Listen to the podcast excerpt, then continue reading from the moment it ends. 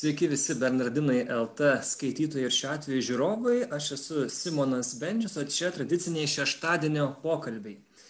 Šiandien mes kalbėsime apie išgyvenimą įvairiomis ekstremaliomis sąlygomis. E, vairuotojai turbūt kaip niekada turbūt šią žiemą patyrė, kas yra ekstremalios sąlygos. E, aš pats asmeniškai jau per kelias savaitės spėjau užklimti du kartus. Ačiū Dievui pavyko išvažiuoti tvarkingai. Ir e, yra du žmonės, kuriuos jūs turbūt dabar ir matot, kurie užuot sėdėję namie prie kompiuterio, prie televizoriaus, jie sumasto, išeina į miškus ir daro visokius įdomius dalykus. Ir e, kol kas jie sveiki gyvi iš tų miškų išėjo. Tai kartu aš pristatau, tai yra Gabrielius Klimanka, tas pilikas. Labas, Gabrieliau. Sveikas, Simai. Ir tas žilas yra jo brolis Eduardas Klimanka. Sveikas, Eduardas. Labas, labas. Kas nežino, tai šie du broliai taip pat yra ir pandem žodžių ir omon žodžių autoriai. Turbūt tie, kas skaitot Bernardinus, ne kartą ir ne du jau susipažinot su, su jų tekstais. Jeigu ne, tai rekomenduoju, veskit pandem žodžiai arba omon žodžiai Google'ai ir tikrai, man atrodo, pirmų numerių bus Taigi linksmų plaučių žmonės, bet pirmiausia, gal šiek tiek trumpai apie kiekvieną iš jūsų. Tai Gabrieliau, Tu esi e, Šaulių sąjungos narys, taip pat Vilniaus saugaus miesto centro mokytojas, e, dar taip pat ir teologas, dabar e, doktorantas teologijos fakulteto Kaune. Tai šiek tiek gal apie tą, aš žinau, kad kai tu atradai šaulius, kai atradai tą meną ir būdą, kaip išgyventi, tavo gyvenimas šiek tiek pasikeitė ir tu tiesiog, na, atradai save per šitai. Gali šiek tiek labiau apie tai papasakoti? Taip, pasikeitė, daugiau miške būnu. Nu. ne, iš tiesų tai net nežinau, nuo ko pradėti. Šiaip, kad gyvenimas keičiasi atradus kažkokią naują sritį, tai visą laiką taip, nu, būna čia kokia sritis bebūtų. E, tiesiog šita sritis man jinai nuo seno buvo tokia, nu, kaip miela, bet nepažinta, o dabar ir tuo pačiu gaunas toksai laikas pasibūt su broliu, ne, vat, bent jau tie išėjimai į mišką mūsų, nes vis tiek, kol, kol vaikystėje buvom, tai vienam kambarį gyvenom, tai ten mušėmės ir panašiai, o dabar jau negalim muštis, tai pasilgstam vienas kito, nu, tai tada reikia įti mišką. Nu, tai gyvenimas, aišku, nu, negaliu sakyti 180 procentų pasikeitė, tą laipsnį pasikeitė, bet uh, kažkokios naujovės, nu, nauji džiaugsmai, nauji vėjai ir tai padeda judėti per visokiausius gyvenimo nuotykius. Mm tikėkime, kad po šitos transliacijos, na, aišku, dar sniego bus, šalčio dar bus, tai uh, bus galbūt toks įkvėpimo žmonėms šiek tiek išeiti ir tokį nuotykį patirti, miške ar kaž, kažkur gamtoje laukiniai. Uh, Eduardai, tu esi prancūzų kalbos uh, vertėjas, taip pat užsimi, na, privačiam verslė dirbi ir kartu tu save vadini bushcrafteriu, čia būtų lietuviškai krūmų amatininkas. Tai kas tai yra ir kuo tai tau svarbu? Uh, Taip. E, e, tas krūmų amatininkas, kaip sakai, e, čia toks anglikonizmas atėjęs jau, jau kurį laiką visi, kas nueina į mišką, galvoja, kad gali pasivadinti šitų pavadinimų. Iš tikrųjų, tai yra tam tikrų įgūdžių įgūdžius apibūdinantis e, žodis, ne? tai e, dabar dar yra irgi tokie naujadarai kaip Woodcraft e, ir panašus, kurie e, e, dar specifikuoja visus kitus aspektus šitus. Bet e, pats e, bushcraft ne, e, terminas labiau apibūdina sąsąją e, gamtos išteklių ir jų panaudojimo e, meną. Nu, tas kraft e, e, dabar irgi naudojamas daug kur, kaip alaus gamyboje, ne, ten dar kažkas, visi amatų kažkokiu užsiema. Tai iš, iš tikrųjų tas va, buvimas miške su, su kaip geriau pasakyti, kad tiesiog bushcrafteris, ne, anksčiau mes e, vadinom tai e, kokiu žygeiviu, e, mhm. stovyklautoju, bet tai yra truputėlį gal daugiau apimantis žodis, nes yra tam tikri įgūdžiai, kurie tausoja gamtą. Ne? Tai reiškia, kai tu ateini į gamtą, tu naudoji ten esamus išteklius ir netgi lengviau būtų pasakyti, kas nėra bushcraftas. Ne? Tai ten, pavyzdžiui, klasikinis lietuvių mėgstamas e, šašlikinės pasistatymas prie ežero su penkiais bambaliais alaus, e, tai nėra bushcraftas. Ne? E, nuėjimas į mišką ir ten tiesiog sukūrimas lauželio, netausojant gamtos irgi nėra bushcraftas prisipirkimas įvairiausių gadžetų, kurie kainuoja šimtus eurų, žinai, ir, ir taip toliau. Tai nėra bushcraft. O šiaip, nu, tiesiog bushcraftas tai menas, naudoti natūralius išteklius ir, tiek. Ir čia aš truputėlį dar papildysiu. E, kodėl Eduardas yra bushcrafteris, o aš nesu bushcrafteris.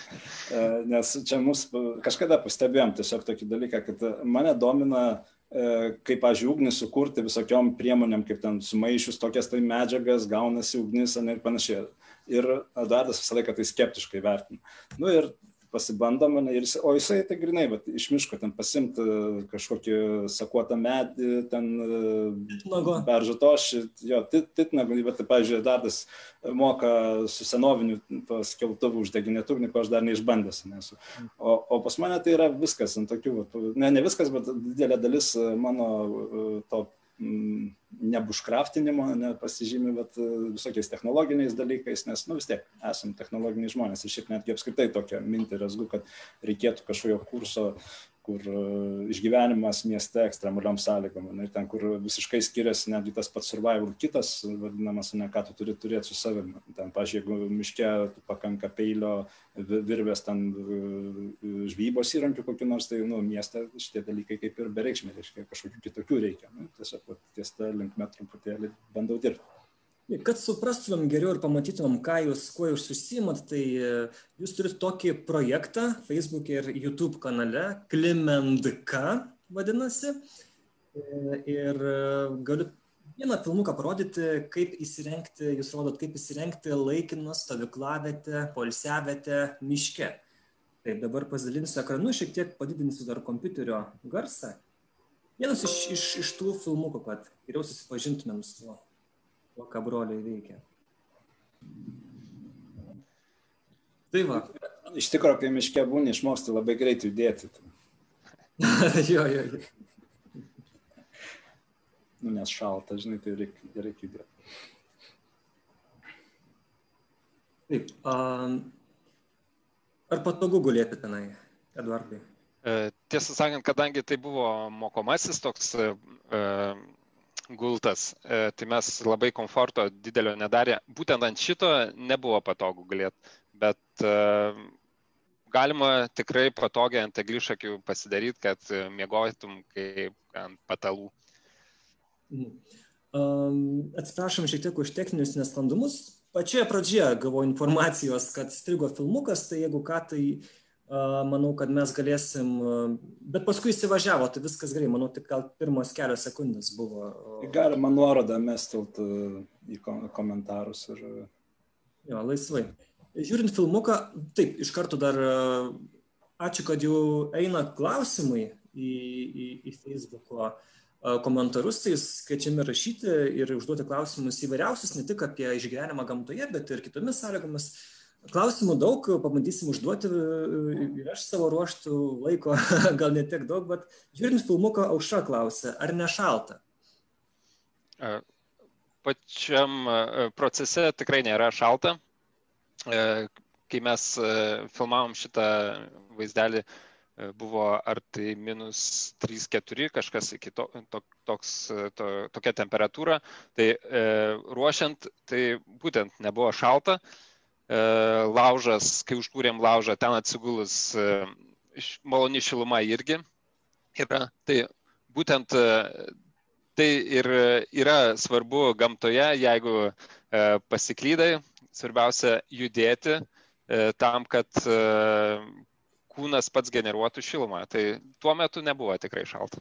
O kita vertus ta, tame darinyje, toj laikinam prieglapsti, kurį buvom pastatę, tą reflektorių senelį reikėtų šiek tiek aukštesnę statyti, bet irgi, nu, kad čia mokomaisiais tikslais, kadangi buvo daroma, tai, tai aukštesnę pastačius e, ir tinkamai užsisandarinus viską galima bent jau 10 laipsnių pasikelti temperatūrą tam nu, viduriniam, nu, viduje pačiam, man tai gaunas toks mikroklimatas ir ten kažkada vienas pažįstamas šaulys sakė, sako, tai ten ledas, sniegas tas pradeda šlapinti, tai jisai šiaip išlaiko irgi, nu, žodžiu, gaunasi, sakau, toks labai labai geras uh, nu, terpė nakvoti. Na, bet čia aišku reikėtų atkreipdėmėsi, kad vienam būtų labai nepatogu tokiai, nes nu, tu greičiausiai mėgotum už gestų laužas ir tada sušalęs prasibūstum. Tai čia toks įrenginys, toks, tokia, toks prieglapsis skirtas dviem žmonėm. Vienas kursto laužą, pavyzdžiui, kitas dvi valandas pamiega, tada pasikeičia. Nu, aišku, ten yra visokių būdų, galima įkaitinti akmenis, tos akmenis dėti mėgmai šitam, bet irgi ten e, akmenis keturias valandas maždaug būna įkaitinti. Nu, galima žaisti visokiausiais būdais, kad, nes žiemą tai šiluma, tai čia vienas iš esminių dalykų. Vis dar mes, kai dirbom, ten statėm, tai mes, nors vaizdelis atrodo labai greitai, viskas vyksta, E, mes mhm. užtrukom gan ilgai ir stengiamės nesuprakaituoti. E, nes tai e, lauko sąlygom, tie, kas slidinėja, tie, kas šiaip žiemą mėgsta laukia būti, žino, kad jeigu suprakaituoji, paskui labai greitai suš, mhm. galima sušalti. Tai mes stengiamės lietai daryti visą tai, kad nesuprakaituoti. Ne? Aušra kaip tik dar tikslina savo klausimą, ar jūs, ar nebuvo šalta jau po proceso, po viso padarimo laikinosios tas poilsio. Ne, kadangi mes pietavome tada. Šiaip, nu, kaip sako, liaudis išmintis, ne, nėra blogo oro, yra blogi rūbai. Ne. Tai jeigu tinkamai apsirengęs esi, tam, nu, tam, tikrais, tam tikrų būdų rengiantis, tu net suprakaitavęs nesušalė, ne, ten reikėtų sluoksnius žiūrėti visokiausius, kad rūbai e, greičiau garintų drėgmę. Pavyzdžiui, daug kas sako, va, medvilniniai, kokie nors rūbai ten yra geriau. Ne, žiemą yra geriau e, visokia sintetika, kuri greitai išgarina labai E, šitus e, nu, garus, e, tą vandenį ir tada nu, tu nesušalia elementariai.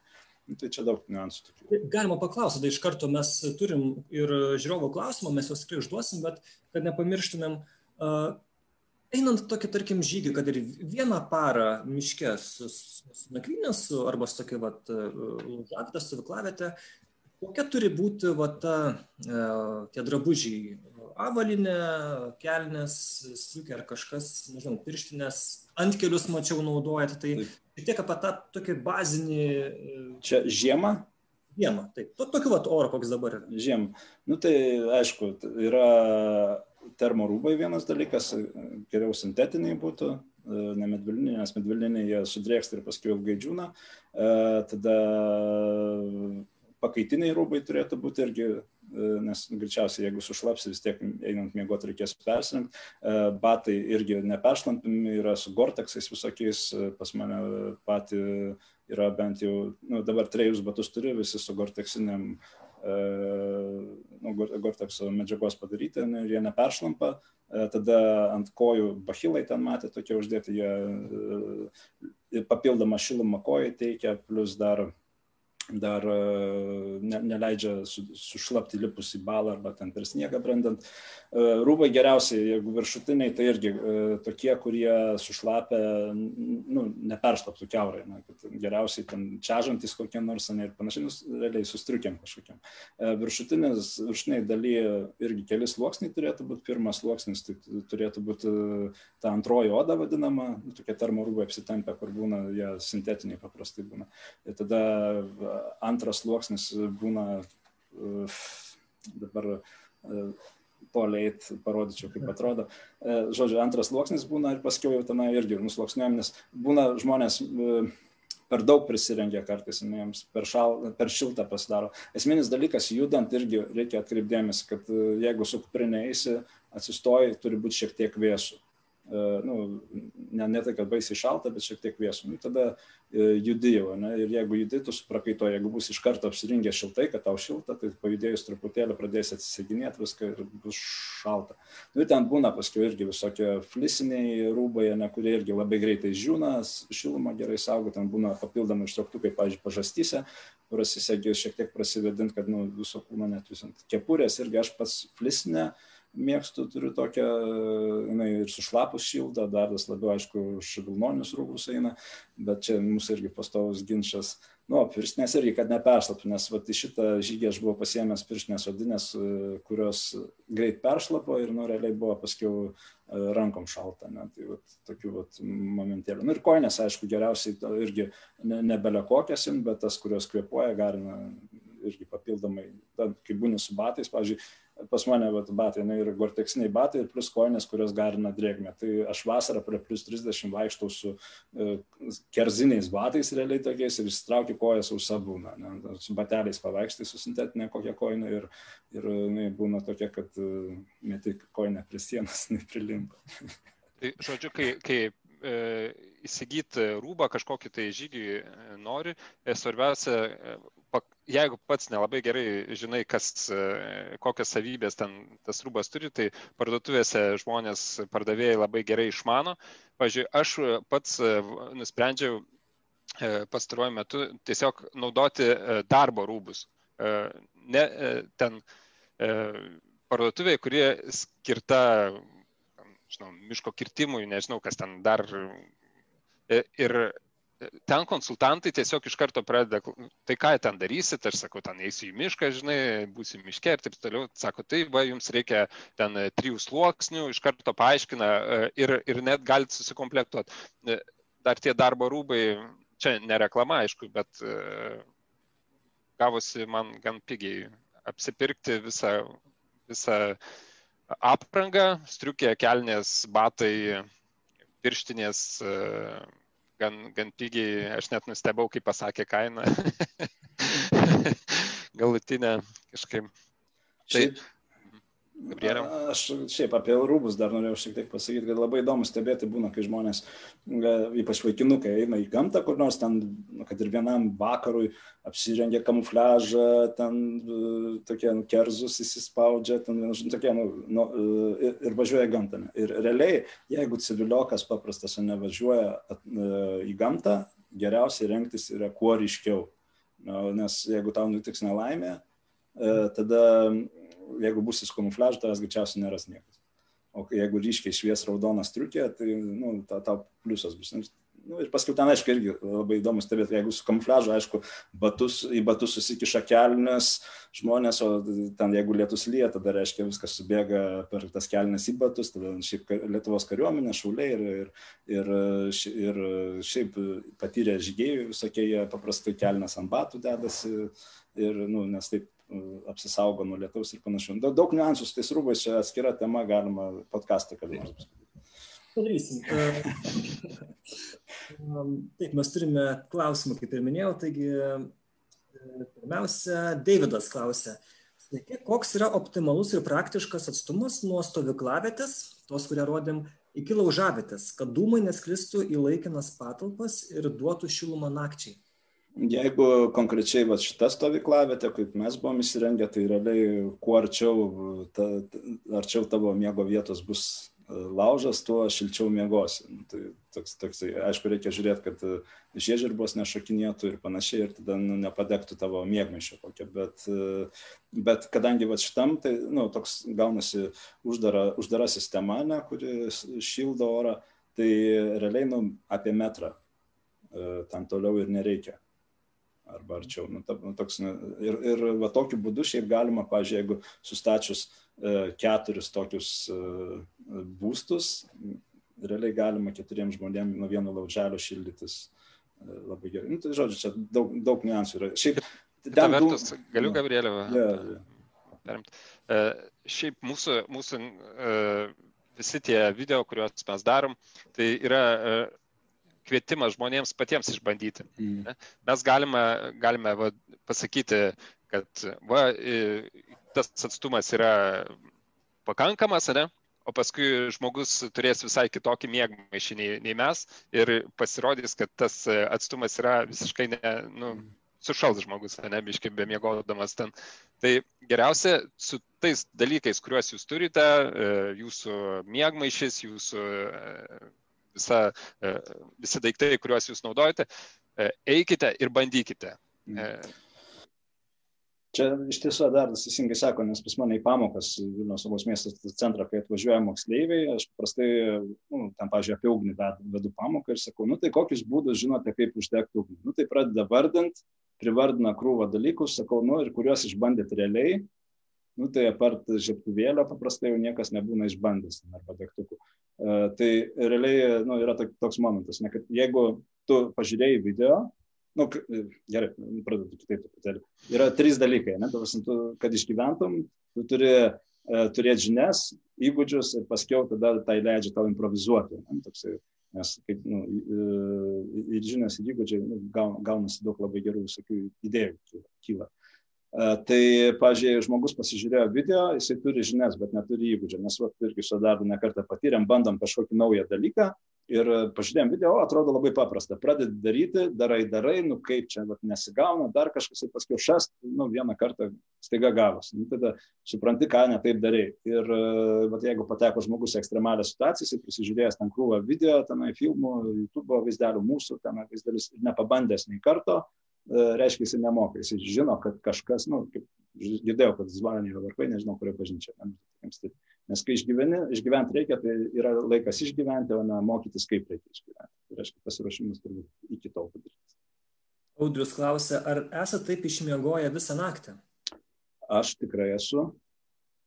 E, Eduardas. Aš žiemą dar nesu. Ne.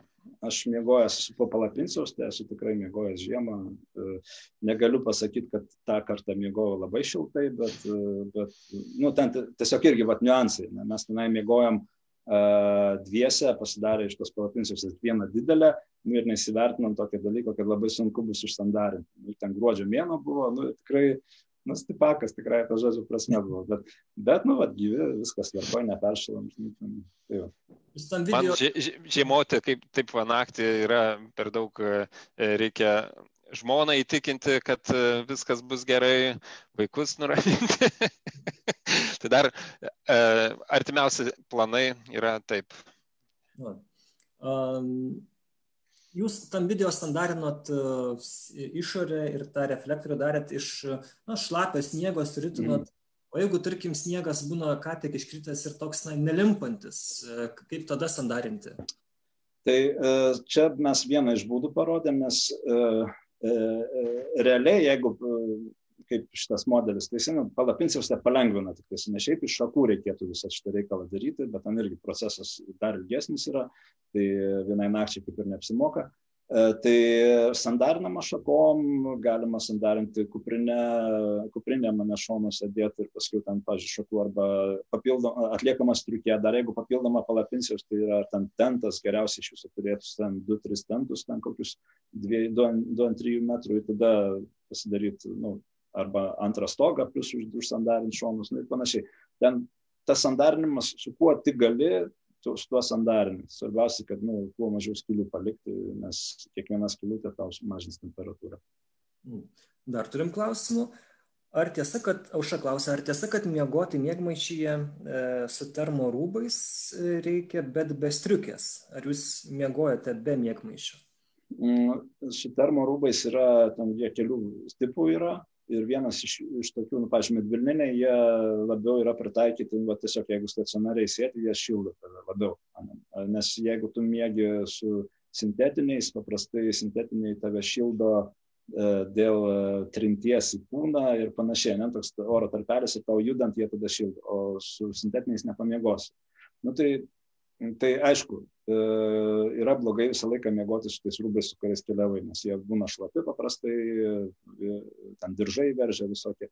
Tai geriausiai turėti kažkokią alę pižamą, ne tokią, kad, kad galėtum miegoti. Ten irgi reikia žiūrėti, kad neverštų rūbai, irgi, nes jeigu jie, pažiūrėjau, ten būna apsitempę labai, net tai reiškia kraujotaka trinka, ten būna koinės, pavyzdžiui, žmonės geriau tokias laisvas turėti miegui koinės, kurios ten bate netiktų, neslankytų labai, o vilnonės kokios nors, o jeigu, pavyzdžiui, mėgotum su tom aptemtom koinėm, kurios irgi nuo judėjimo paprastai šildo tave, tai tada, nu, greičiausiai žiemą nušalsi kovo pirštus ar galūnės.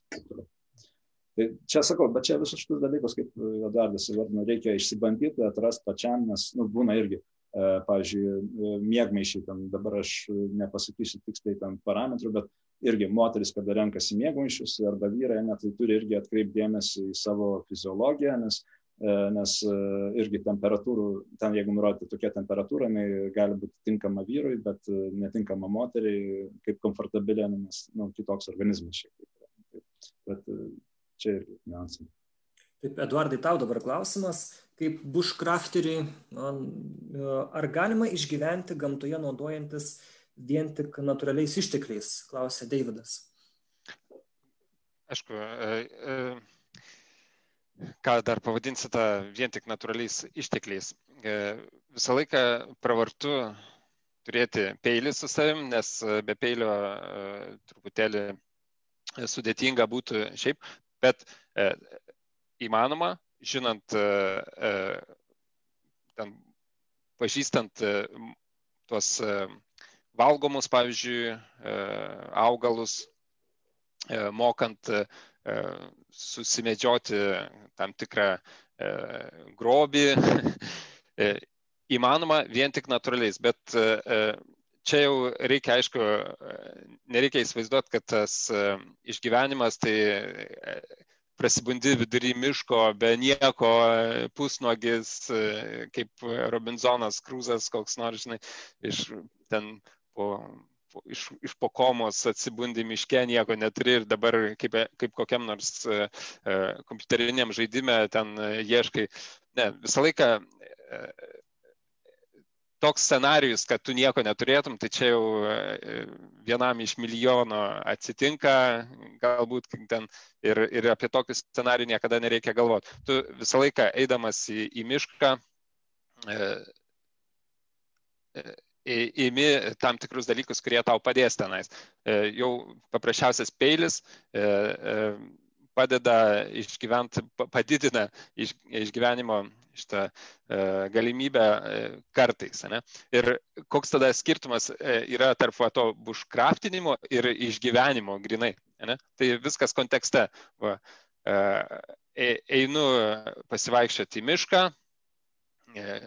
pasiklystų, telefonas nusėdo,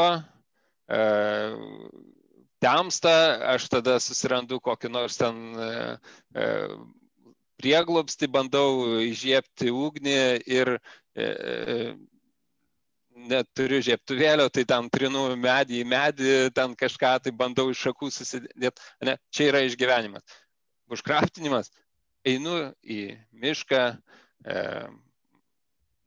pradeda temt, mano telefonas pakrautas, aš turiu mėgmaišį, e, tada kad būtų jaukiau, susikuriu ugnį, pasistatau laikiną va, būstą iš šakų. Ir tas vat, ir skirtumas, kad e, yra, kad realiai e, reikia, e, kaip e, mes čia su dukra nesiniai žiūrėjom tą e, filmą Moana e, ir e, Mauvis pasakė vienoje vietoje, šitą sako, kad orientuotis, ne, kad plaukti reikia žinoti, kur esi, žinant, kur buvai. Ne? Tai va tas principas labai yra tinkamas iš tikrųjų e, tam va, visam dalykui, ką, ką mes darome miške. Ne? E, išeinam, žinodami, iš kur mes atėjome ir kur mes norim, kur mes esame. Ne?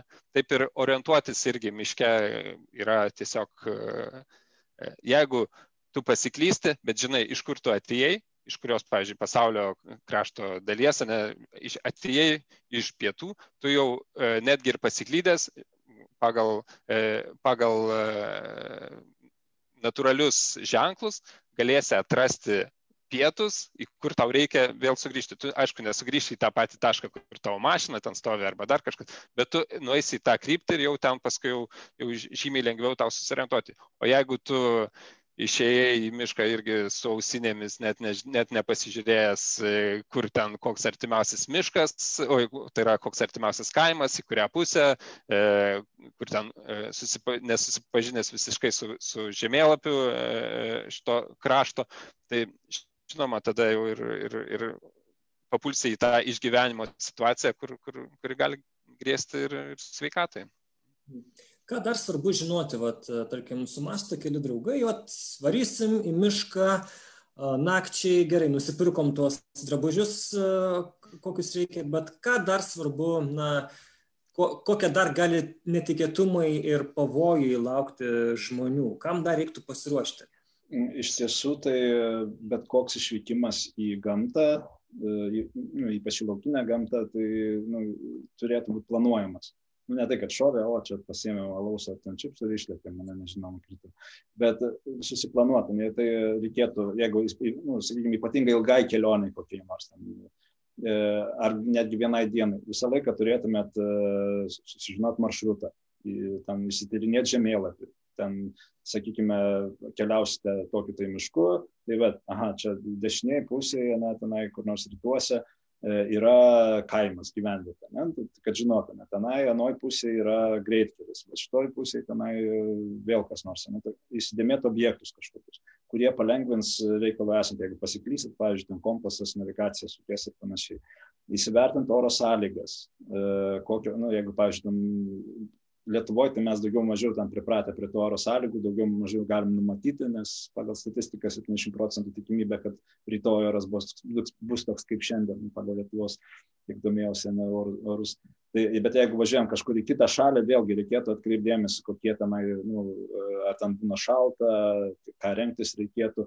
E, tada išvykstant irgi, e, kad ir vienai dienai, reikėtų informuoti savo artimuosius, kada išvykstat, kada grįšite ir kur būsite. Ir idealiausia, jeigu tenai keliom dienom keliaujat, kur ilsėsitės. Nes jeigu jūs negrįžtate laiku, jie gali skelbti paiešką. Reiškia, o jeigu nežinos, kur esate, tai nežinos ir kur ieškoti. Nu, tada, aišku, ten drabužius, maistą, visus kitus dalykus. Įsivertinti pavojus, ten gali būti, pavyzdžiui, nu, keliauji į vietą, ten, ar yra tenai naudingų gyvačių, ne, kokius vaistus imti, nes nu, irgi vaistinėlė čia privaloma tvarka reikia turėti, e, tai nu, e, nuo vaistų pradedant, bintų, pleistrų iki masyvaus kraujavimo stabdymų reikalingų reikmenų, kaip turniketai, pavyzdžiui, ir panašiai.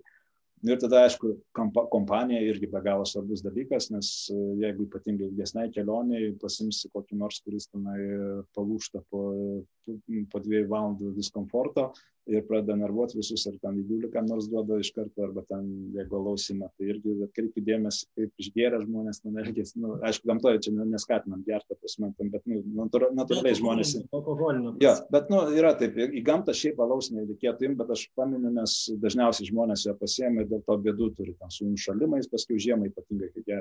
Nu, ir, sakau, be, priminkim, kad yra mitas, ar ne, kad jeigu tau šalta, tai išgeri 100 gramų ir tau ir tu sušilti. E, nu, paprastai yra taip, kad jeigu tau šalta, tu išgeri, tau pasidaro iš tiesų šilčiau, bet kas vyksta, na, jeigu, sakykime, tu apsirengęs su tam tikrais rūbais galėtum išgyventi 12 valandų, e, ten nenumiręs, tai išgerus alkoholio, ten 100 gramų, tu, pavyzdžiui, tavo kraujagyslės prasiplečia, tu greičiau spinduliuoji šilumą lauk, tau iš tiesų pasidaro šilčiau, bet tu greičiau sušali. Tai reiškia, jeigu vietoj savo ten 12 valandų ištrumpini per pus savo išgyvenimą.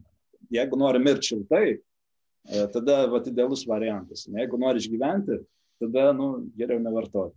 Jo, jeigu, čia mitų griovėjai, tie mythbusteriai, vienas iš epizodų, kurį aš prisimenu, tai būtent ir jie įrodė šitas, pradydami netgi termometrą, ten kažkokią kapsulę prarijo ir, ir parodė šaldytuvę sėdėdami, įrodė, kad iš tikrųjų e, e, šitą, tai žodžio alkoholį, jeigu e, išgyvenimo sąlygom geriausiai vartoti, tada jeigu žinai, kad netrukus atsidursi šiltai prie kokio žydinio, po kaldra ir visą kitą.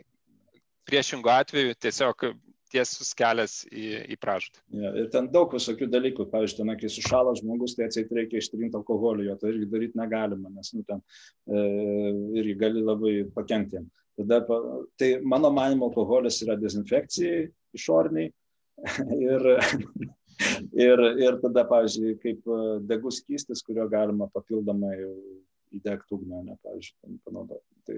Tokį vieną patarimą sugirdės, kad kai eini žygį, tu būtinai pasisiūlyk nešti kuprinę su maistu, nes e, laikui bėgant vis lengvės ir lengvės ir tavo. Jo, bet bėda, kad tokios kuprinės tai nėra, nes maistas paskirstamas e, pas visus, maždaug po lygiai tam, kad nu, vieną, vieną kuprinę praradus, e, visi neliktų alkani. A, supratau. Nu, bet tokia.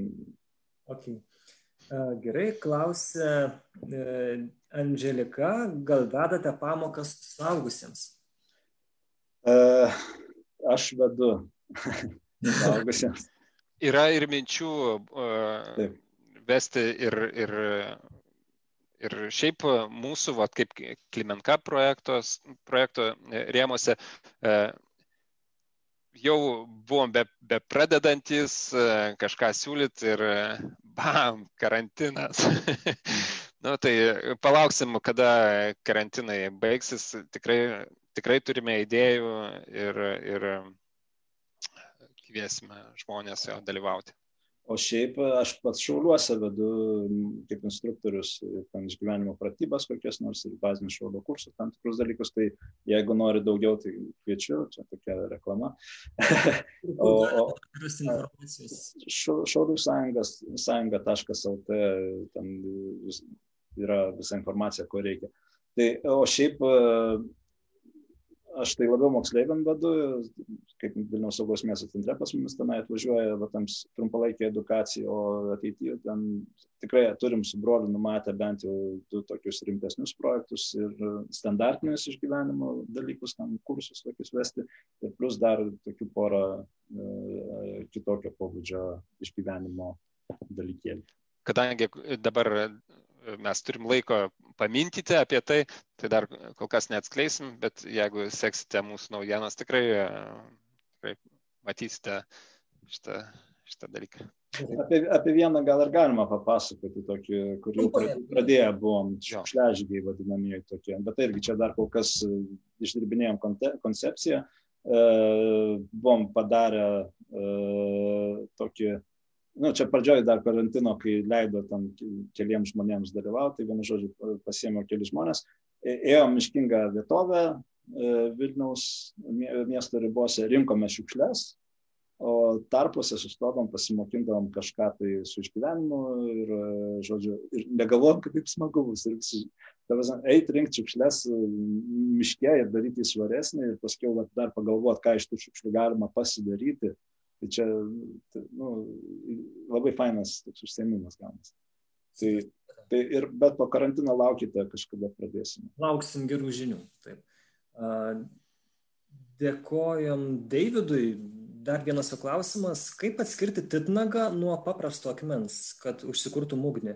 Ar yra specifiniai titnago bruožai? Titnago yra, jie tokie, e, jeigu, e, kai randi, jie tokie kaip, kaip truputėlį kaip muilas atrodo. Arba kaip smala dar. Arba kaip, ir kaip smala, sudžiūvusi smala, jeigu jau nuskeltas, ne? Šiaip tai geriausia, tai tada vis, vis tiek prasigūglint, kaip tai atrodo, žinai, bet e, jau vieną kartą, kai žinai, e, ta, kaip titnagas atrodo, nesvarbu, kokią jisai spalvą turės, nes yra įvairių atspalvių, ten rudas, juodas, baltas, e, bet e, jau tą tokį muilėtumą ir, ir, ir tą derviškumą tu jau iš karto atrandi, e, radęs net ant kelio gulinti, tu atpažįsti titnagą. Jis labai specifinis akmuo, o mineralas, reikia sakyti labiau. O, o gamto šiaip jeigu dar atradote tokius belemnitus, nu, arba kitaip vadinant e, liaudiškai laumės pirštai visokie ten ir panašiai, tai e, gamtoje, jeigu natūraliom sąlygom, tai jie paprastai būna toje pačioje vietoje, kur ir titnago esame. Nu, tai tiesiog čia, čia gal uh, koks Andrėjus Piridonovas daugiau papasakotų, nes aš kaip orientologija domėjausi šitą atradau dalyką. Mhm. Uh, bet vėlgi čia reikėtų pastebėti, kad žmonės galvoja, kad paėmė į titnagą, padaužiai ten ir iš karto gaunasi kibirkštis, bet nu, ne viskas taip paprasta. Tai dar papasakok dabar apie tuos senovinius keltuvus, koks ten metalas naudojamas, kad kibirkštis gautųsi ko čia aš okay. e, iš tikrųjų, jo, e, yra irgi plačiai paplitęs mitas tarp žmonių, kad titnaga patrankius e, žiežirba. E, išgaunama. Iš tikrųjų, tai titnaga į titnagą daužy kiek nori, niekas neatsiras, nebent skeveldras, tiesiog akmens skeveldras turėsi ir gali pasigaminti kažkokį įrankėlį. Bet tam, kad įžiepti žiežirbą, iš tikrųjų reikia prisodrinto anglimi plieno. Aš dabar nepasakysiu, nuo kokio ten procento eina tas prisodrinimas, ne? bet tiesiog titnagas yra, kadangi jisai kietesnis už plieną ir trenkiant plieninę, plieninę plokštelę į titnagą, jisai nuplėšia mažas, mažas atplaišėlės plieno ir jas uždega. Tai trankant du akmenys vieną į kitą, gal tam nebent kažkokie mineraliniai mineralo savybės, gal kažkokios bus įmanoma, galbūt ten, kad žiežirba atsirastų, bet paprasčiausias būdas tai vis dėlto titnagą naudoti su plienu. O galų gale ne tik titnagą galima, nes irgi čia dar neišsibandė, bet, bet atradom, kad galima ten kvarcą naudodavo irgi taip pat ir, ir agatą, ir, ir nefritą berots. Tai žodžiu, yra daugiau tokių akmenų ir mineralų, kurio, kuriuos galima panaudoti kaip mums įprasta titnaga. Tiesiog titnagas yra labai paplitęs, jį visur va, mūsų, mūsų e, gamtinėje terpėje. Ne? Ten ir Rusijoje gali rasti, ir Lietuvoje, ir Lenkijoje, žodžiu, kur Europoje, be, ir Šiaurės Amerikoje turbūt ten be, be, be keliautum, tai yra labai paplitęs akmuo, todėl jį lengviausia įsiminti ir, ir jį lengviausia rasti iš tikrųjų. E, Toma iš Vilniaus klausia, sakėte, kad būti gamtoje reikia saugant gamtą. Ką tai reiškia konkrečiai? Konkrečiai tai reiškia, kad e, yra e, toks e, posakis e, būtent žmonių, kurie vadina save buškrafteriais, tai nepalikti pėtsako. Mhm. Tai nėra, nėra kažkoks tai zero waste judėjimas ar dar kažko, tai kad naudot vien tik tai. Ne, ne, tiesiog būdamas gamtoje, tu ką bedarytum, tu turi palikti, nepalikti žmogaus pėdsako. Tai uh, dažnai uh, vaikštant miške, uh, iš ko kilo mūsų idėja šiukšliažygių, tai kad uh, einant atrodo miško vidury, kažkur tai ten ten dešimtis kilometrų nuo, nuo gyvenamos aplinkos, randi bambalį kokią nors, ten, žinai, laužavitę, kur matomai netgi buvo palikta tiesiog e, e, smilkstančios malkos, žmonės išėjo ir paliko. Tai e, gamtos tausojimas ir, ir, ir, ir yra tai, kad tu tai, ką tu darai, e, ateini, va, pažiūrėjau, susikuri savo stovyklavitę, išėjęs iš jos, jinai turėtų atrodyti beveik, nu, kiek tai įmanoma e, panašiau į tai, ką tu radai atėjęs. O aš kaip nebuškrafteris pasakysiu irgi, kad e, atvažiuojat, pavyzdžiui, paprastą stovyklavietę. E, tai irgi reikėtų stovyklavietę, nu, aš kaip buvęs skautas, taip sakant, pasakysiu, kad reikia stovyklavietę palikti gražesnę negu radai. Tai šiukšlės susirankiot elementariai, vėlgi, pavyzdžiui, mes turim tokią rubriką vakar atsikados, ten apie tuštinimus reikalus gamtoj. E, tai, žodžiu, tai irgi jeigu atvažiavai stovyklavietę, tai baugu, taip sakant, į naktį išeiti, nes e, žinai, kad už stovyklavietės iš karto bus ten ruda krūvelė, ten baltas papirėlis. Ne? Tai nu, reikėtų irgi, jeigu atvykai į stovyklavietę, statai tualetą tam tikroje vietoje, tuštinės tenai. Paskiau mm, begalė kitų dalykų, pavyzdžiui, nepalikti ugnies, irgi buvo ten, atsimenu, su viena kompanija buvom išvykę, laukiam jų tenai, kol ateis vyrukai, kurie rūpinasi laužu, ateina, žiūri, dūmai rūksta, sako, tai laužą paliko, tai jo, sako, atvažiuos kas nors čia. Tai aš jau kaip susinervinęs, bambėdamas, nuėjau dešimt kibirų supylę vandens, kad užgesintą laužą, nes tai buvo, tai, nu, bet čia irgi palieka žmonės. Mes irgi su darbu buvom vieną kartą užtikę paliktą lūžavietę miško. Vieną kartą buvom e, susikalę ten, taip sakant, su šeima tokia, kurie ant samanų uždegė laužą ir tos samanus degti pradėjo aplinkui. Nu, sakau, tokio elementaraus supračio nėra, kaip saugiai elgtis ir e, tausoti gamtą. Ir aišku, šakų laužyti irgi nu, negalima, nes tai jau yra paprastas principas, e, kam tu laužai tas šakas. Ne? Jeigu užkurti laužą, tai e, šlap, kaip čia, ne, geriau naudoti ne gyvą medį jau, kuris stovi, vis dar stovintis, ne, tada bus efektingiausia. Ir pats principas, kad net šlapės, šlapės negyvas medis degs geriau nei žalias medis. Tai kam be reikalo tada ten kirsti tos medžius? Paskui. Tarp kitko, jeigu mėgsti dūmose sėdėti, tai labai geras variantas - žalia medį. Taip, iš tikrųjų, nes kol žalias medis jisai pradeda gerai degti, jisai turi išgarinti visą drėgmę jame esančią ir tai, ir tai yra dūmų kamolys nuo odų gelbėje, bet Tai žiūrint, aišku, paskui e, priklauso nuo to, e, kam tu tą žalę medį ir žalę šaką laužai. Jeigu tau e, reikia prieglopšio kažkokį pasidaryti būstą, e, tai, tai yra nedidelė auka, taip sakant, tam, kad tu išgyventum. Bet visą laiką reikia su pagarba daryti ir tai jeigu tu ateini tam tikrą teritoriją, tai nenusiaupk vieno medžio tiesiog arba, pavyzdžiui, ateini rinkti kažkokio tai, kažkokių tai žolelių, ne, į, į lauką, kur matai ten kažkoks vakrumynas, ne, žolelių gydomųjų, nenus, nenurink visko. Yra principas, kad palikti, surinkti tik 30 procentų viso to, kas ten yra, nes 30, kiti 30 e, procentų lieka e, kitiems žvėreliams, taip sakant, o dar 30 regeneracijai e, to augalo. Ne? Tai, tai Žodžiu, e, priklauso visą tai, ką darai, o jeigu jau reikia tau tą žalę šaką, tai pagalvok e, ir patausok. Dar minėjai e, pokalbį su dukra savo, va tokie žygiai gamtoje, tokie šiek tiek jau sunkesni, ekstremalesni.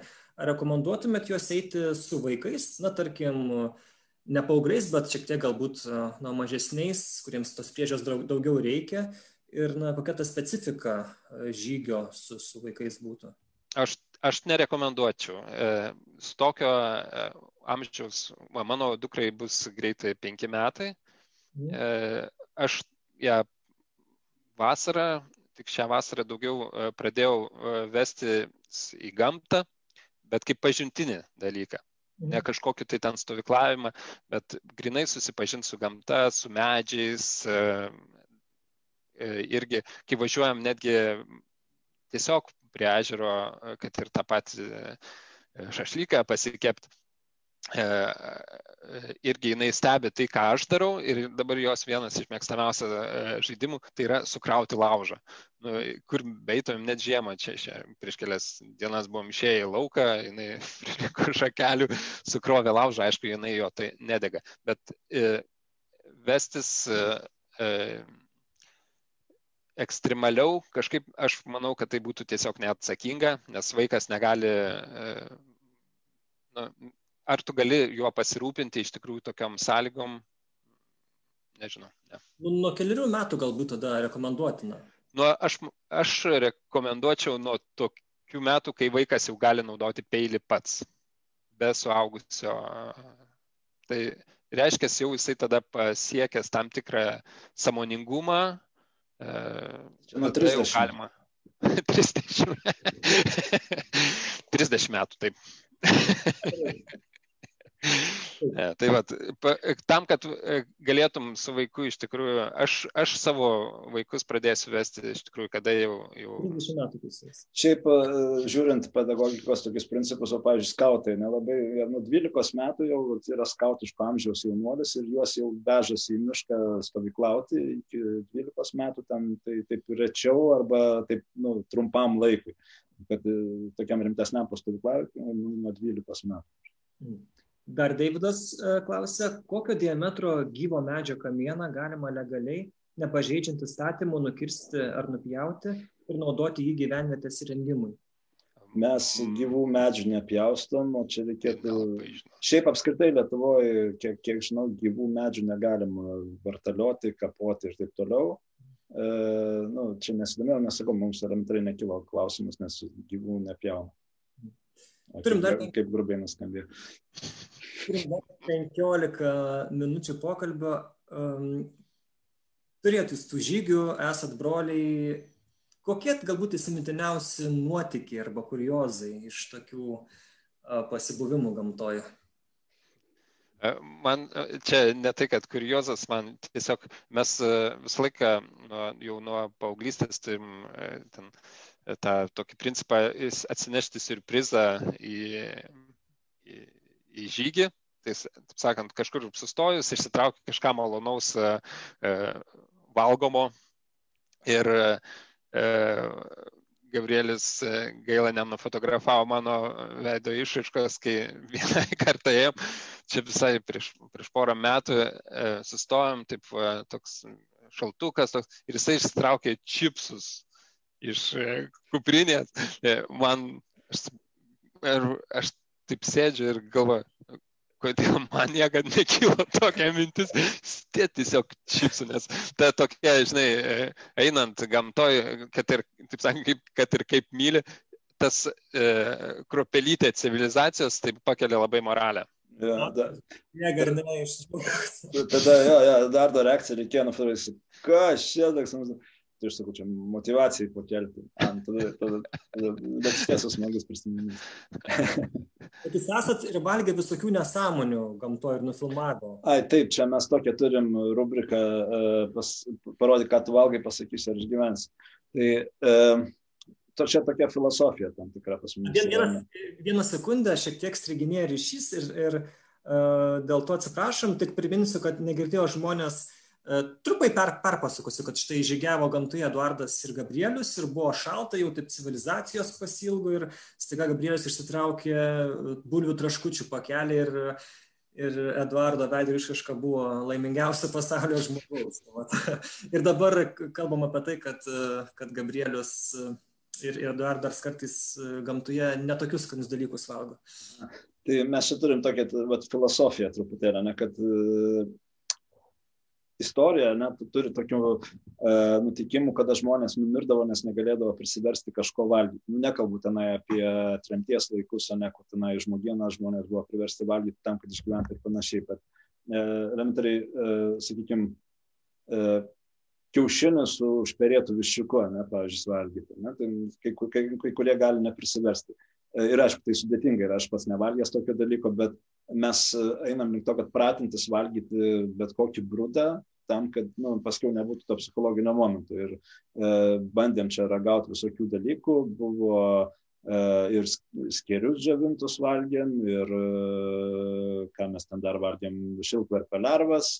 E, šlikščiausia, ką valgėm, tai iš tiesų, mano manimu, buvo e, tas drėgnas kačių maistas. Ten paskui pusę dienos vėlėsi skonis burnoje, ten sliktas. Kam valgyti kačių maistą? Ne, iš tikrųjų, kam valgyti gyvūnėlių, naminių gyvūnėlių maistą, tai iš tikrųjų e, kai kuriuose šalyse netgi reglamentuojama yra taip, kad e, konservai šunų, pavyzdžiui, maisto yra e, gaminami taip, kad esant atveju tai būtų nekenksminga žmogui ir žmogus galėtų be jokių sunkumų valgyti. Pavyzdžiui, JAV taip, taip yra, nežinau kaip Europoje, tiesą sakant, nesidomėjau, bet tas maistas O kam valgyti? Tai tam, kad, nes konservuotas maistas, tu jeigu, jeigu paimkim apokaliptinį scenarijų, po dviejų metų rasi konservą, mielai suvalgys. Yeah. Tik tais, kad kačių maistas tai buvo. Tu tai paklausai, lik Medmakso nebūtų matęs. Ten nu. taigi pastoviai valgai. Ir Walking Dead'ose valgai. Ir, nu, tai čia, jo, Daras labai teisingai sako, čia čia yra svarbus momentas, nes nu, kačių maistas ar dar kažkoks tas, kur įprastai nevalgytum ir dar pasijuokim, jeigu žmogus valgytų, jis gali tau išgelbėti elementariai gyvybę, nes ten kas yra, nu, kaip su maistu sako, jeigu taip plaukioja sriuboje, tai yra anglio vandeniai, jeigu ant dugno, tai mineralai, o jeigu juda, tai baltymai. Tai o vitaminai yra. jeigu auga. Na taip, Amerikoje aišku būna įvairių tų stikinių nelaimių, potviniai, uraganai ir tu būni atjungtas nuo elektros, nuo... nuo, nuo, nuo Nu, tai Lietuvoje būna dabar, vat, buvo snygis, kada ten be elektros atėjo žmonės. Ir galų gale vat, savizolacijai dabar esi, negali prisiskambinti niekam, o turi vat, kačiuko maistą. Tai ir suvalgai.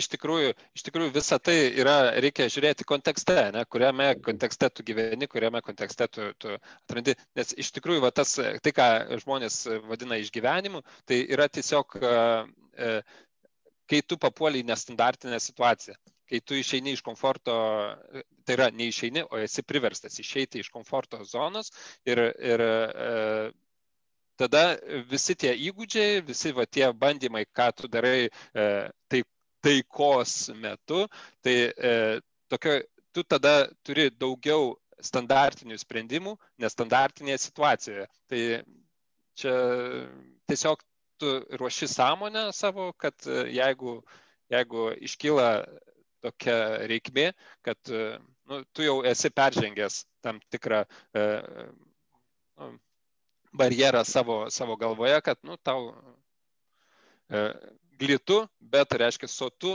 gali valgyti ir svarbiausia tada tam momente yra neskonis, o išgyvenimas. Nu, tai ir vis, visame kame, ką, ką tu ruošiesi irgi, tai yra nu, tiesiog e, treniruotė. Ką? Kaip treniruotė gaunasi. Taip, treniruotė. Aš manau, kad tikrai reikės antros tokios transliacijos po kiek laiko, nes mes tikrai neaptarsim jau šį kartą, kaip išgyventi, tarkim, atominės, atominio sprogimo ar avarijos metu, kai tu turi būti užsidaręs namie arba tarkim, kai, kai nedaug dė koks nors karo pavojus ar kitokių stiknių nelaimių. Čia turbūt atskira tema, kaip išgyventi savo namuose užsidarius, tai aš manau tikrai uh, padarysim dar tokį pokalbį.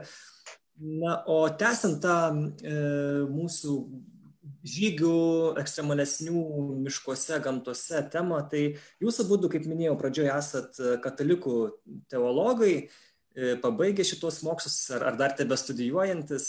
Ir e, kaip jums, kaip broliams, kaip krikščionims, ar tie žygiai padeda kažkiek aukti tikėjime, paspalvina, galbūt paįvairina tą jūsų tikėjimą? Šiaip man pats E, pats, e, pati idėja viso to išgyvenimo, tai e, yra grinai krikščioniškas gyvenimo būdas, nes pasižiūrėkime tą palyginimą apie mergelės, kurias, kurios laukia jau, jaunikių. Vienos turėjo žibintus ir turėjo pakankamai alyvos, kad tie žibintai visą naktį degtų ir jos galėtų laukti. Kitos neturėjo. Tai E, ir atėjus momentui, e, tos, kurios e, biški buvo numatę kelis žingsnius į priekį, gavo apdovanojimą. Tai e, laukimas e, arba e, labiau, labiau sakyti, tai ne, nelaukimas, bet e, to, to, kas bus, nu, kaip čia, biškis įsivėliau, bet tiesiog pati laukimo idėja yra tiek pasiruošimo tam, kas bus, ne, yra bendra ir krikščionybei, ne, kaip laukti ateinančio Kristaus, būti visada pasiruošusiam. Tai e, vat, išgyvenimo visa šita ir koncepcija yra būti būt pasiruošusiam tam dalykui, jeigu reikės. Tik tais e, man tai yra labai svarbu, kad tu ruošiesi, bet aš tikiuosi, kad man realiai tų žinių niekada nereikės. Reikėtų e, realiom sąlygom išnaudoti. Tai, aš pridėsiu dar, kad e, Bet, nu, krikščionybė yra ta askezė, bent jau katalikybė, nes askezė yra svarbus momentas. Ir askezė, e, kas yra išėjimas iš komforto zonos, nelaikinai patirti kažkokį nepriteklių, kažkokį nepatogumą, šaltį, dar kažką, tai, tai nu, galima vertinti kaip tam tikrą valios ugdymą. Ir e, kai tu e, susiduri su tais sunkumais, net tavo valia ir kituose dalykuose auga. Tuo pačiu tada, nu, pažiūrėjau, e, kiekvieną dieną bent jau trumpai pasimelsti, nu, kiekvienas žino, kaip tai sunku yra. Ir kai tu nu, tą valią augdai, nu, tai pasidaro šiek tiek lengviau. O šiaip, va tokį dalyką man tai labai gerai atliepa Evangelijos viena vieta, kur Kristus sakė, sako, lapės turi urvus, paukščiai turi lizdus, o žmogaus sunus neturi kur galvos priglausti. Nu, tai va, tai mes sekam Kristumi ir taip gyvenam. Bet iš tikrųjų, tu, Simai, sakai, du, du, žinai, teologai, kai du teologai e, pradeda kažką daryti, žinai, e, arba gaunasi kažkokia erezija, arba gaunasi kažkas labai, labai gero. Ir aš tai džiaugiuosi, kad pas mus kol kas gaunasi tikrai labai kaž, mm. kažkas labai gero. Na, tikrai labai gražu jūs žiūrėti, tikrai toks gražus broliškumo pavyzdys. Um, aš prisimenu vieną istoriją, man vienas bičiulis buvo pasakojęs, krikščionis, kuris pats vienas nusprendė tiesiog naktį permegoti miške. Bet jis pasimė palapinę, ten maisto, viską ir tiesiog um, žagarės rajone berots. Jisai jis vaikščiojo, vaikščiojo, automobilį kažkur toliau pasistatęs, jau sutemo, na, jis tiesiog tą palapinę pasistatė ir, ir staiga, ne, jis dar nebuvo palapinės pasistatęs, bet jis aplankė vieną partizano tokį bunkerį ir tokį paminklą. Ir staiga girdi, kad kažkas šlum, šlum, šlumšt eina prie jo, jau naktį tamsu. Žiūri, šernai tokie keli dideli. Ir jeigu neklysiu, dar keli maži šerniukai dar buvo nu ką jis aišku prisiminė iš pamokų, kad jeigu šernė, tai yra, reikia saugoti. Šakėsi. Ja, kai šernė jį taip žiūri, tai jisai užlipo ant to paminklo, įsivaizduokit. Ir jis tam pratapė, nežinau, kiek laiko. Tie šernai ten, ten galų galę nuėjo, tai jis ten su kalatuojančia širdim greitai tą palapinę pasistatė. Bet aišku, jisai, jis, jisai guli ir jam baisu yra, nes jeigu tie šernai grįž, tai jis pasimė e, Naująjį testamentą, atsivertė pirmą pastaikiusią eilutę ir ten buvo Jėzaus pasakymas ramybė su jumis. Tai jis taip tada taip ramybė su manim. Užvertė užmigti. Pas mane panaši buvo situacija viena tokia, kad e, aš nu, buvau išlėkęs ilgesniam laikui šiek tiek pabūt vienas į mišką, ten palapinėje ir mėgojau, e, ten jau į savaitės, pirmos savaitės, taip sakant, antrąją pusę. Ir irgi, va, šiaip įdomu, staiga girdžiu kriokia kažkas netoli, nu, taip jau aišku, lendi lauk, ten 5x5 scenarijai prasisuka galvoje, nes jau lendi ir tikrai mat, jau galvoju, pamatysite tas raudonas akis. Nu, ir, ir išlindau, išliaužiau prie puodų, padaužiau, e, tada nutolo. Ten panašu, kad irgi šernas buvo ir greičiausiai su šerniukais e, pagal sezoną sprendžiant, bet irgi tada pusę nakties prasimeldžiau, nes baisu buvo tikrai, kad negrįžtų. Jo, tai jeigu trumpai patarimas, jeigu yra kokie, aišku, nu kiek čia tų pavojingų gyvūnų, tu nuo erkinio encefalito gali mm. pasiskiepyti iš anksto, mm. nu angis, tu ten ir gali guminius batus turėti, o va šernai pikti arba kitos tos piktos. E, čia, vat, nuo vaikystės man buvo keistas dalykas, toks, žinai, vat, e, e pradedi riekaut kur nors, vat, e, namie, sako, ten senelė arba tu esi, nerėkauk nemiškėsi, nueidavo į mišką, pradėdavo rėką, sako, nerėkauk, negalima gyvuliukus baidyti. Mhm. Tai, e, Identiškai. Jo, tai va, o realiai tai yra taip, kad e, jeigu tu esi šiaip parke kokiam nors, tai rėkaut nereikia, nes žmonių nereikia baidyti, ne, nes visi ateina palsėti. Bet jeigu esi laukiniai gamtoje, reikėtų kelti triukšmą nuolatos. Eini garsiai, pažiūrėjau, tenai būna, kur žmonės kur nors Jelaustonė tenai ar ten Altai keliauja, tai jie pastovi radiją, kokią pasileidę būna ant viso garso. Ir tai daroma tam, kad, e, žodžiu, e, tu eini, e, plėšrūnas ar ten šernas, lokys dar kažkas išgirsta ir jisai pasitraukia, nes kažkas ateina ir kažkas triukšmingo ir jisai problemų nenori. Bet jeigu tu eisi tyliai ir staiga ant šerno užsirausi, tada jis jau neklaus nieko, ten, ten, ar problemų turi, ne, jis iš karto greičiausiai pūsta. Tai, tai sakau, čia toks niuansėlis, kur man vaikystėje jisai kėlė tokį kognityvinį disonansą, bet šiaip realiai tai miške, jeigu triukšmausi laukiniai gamtoje, bus gerai tau pačiam. Teisingai, gyvūnas šiaip sveikas gyvūnas e, visose savo, jeigu jam ten nėra čiuožęs stogas kaip nors ten, tai jisai, nu, tai jisai nesrauna, jisai vengia žmogaus iš tikrųjų. Tai, tai, o tokie atvejai, kad ten e, žmogų laukinis gyvūnas užpultų yra labai reti ir greičiausiai dėl to kaltas pats žmogus. Nes e, pats gyvūnas jisai niekada nepuola, o dažniausiai Nu, jeigu nelaiko tavęs agresorium, tada jis nepuola. Taip.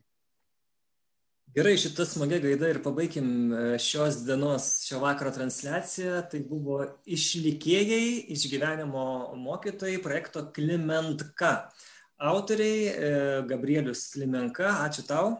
Ačiū tau, Simonai. Ir jo brolis Eduardas Klimenka. Dėkui. Ačiū. Ačiū Klimenka. Ačiū ir tau, Klimenka. Um, primenu, kad Facebook'e, taip pat ir YouTube kanale galite įvesti Klimendka ir ten rasite filmukų mokomosios smagios medžiagos, kaip įdomiai praleisti laiką laukinėje gamtoje. Aš buvau Simonas Bendžius, kitą savaitę jūsų laukia pokalbis apie gavėnę, Milda Vitkutė tą pokalbį ves. Nežinom dar dėl pašnekovo, bet greičiausiai bus jums vienas labai puikiai pažįstamas veidas ir labai mylimas veidas. Tikėkime, kad jis sutiks.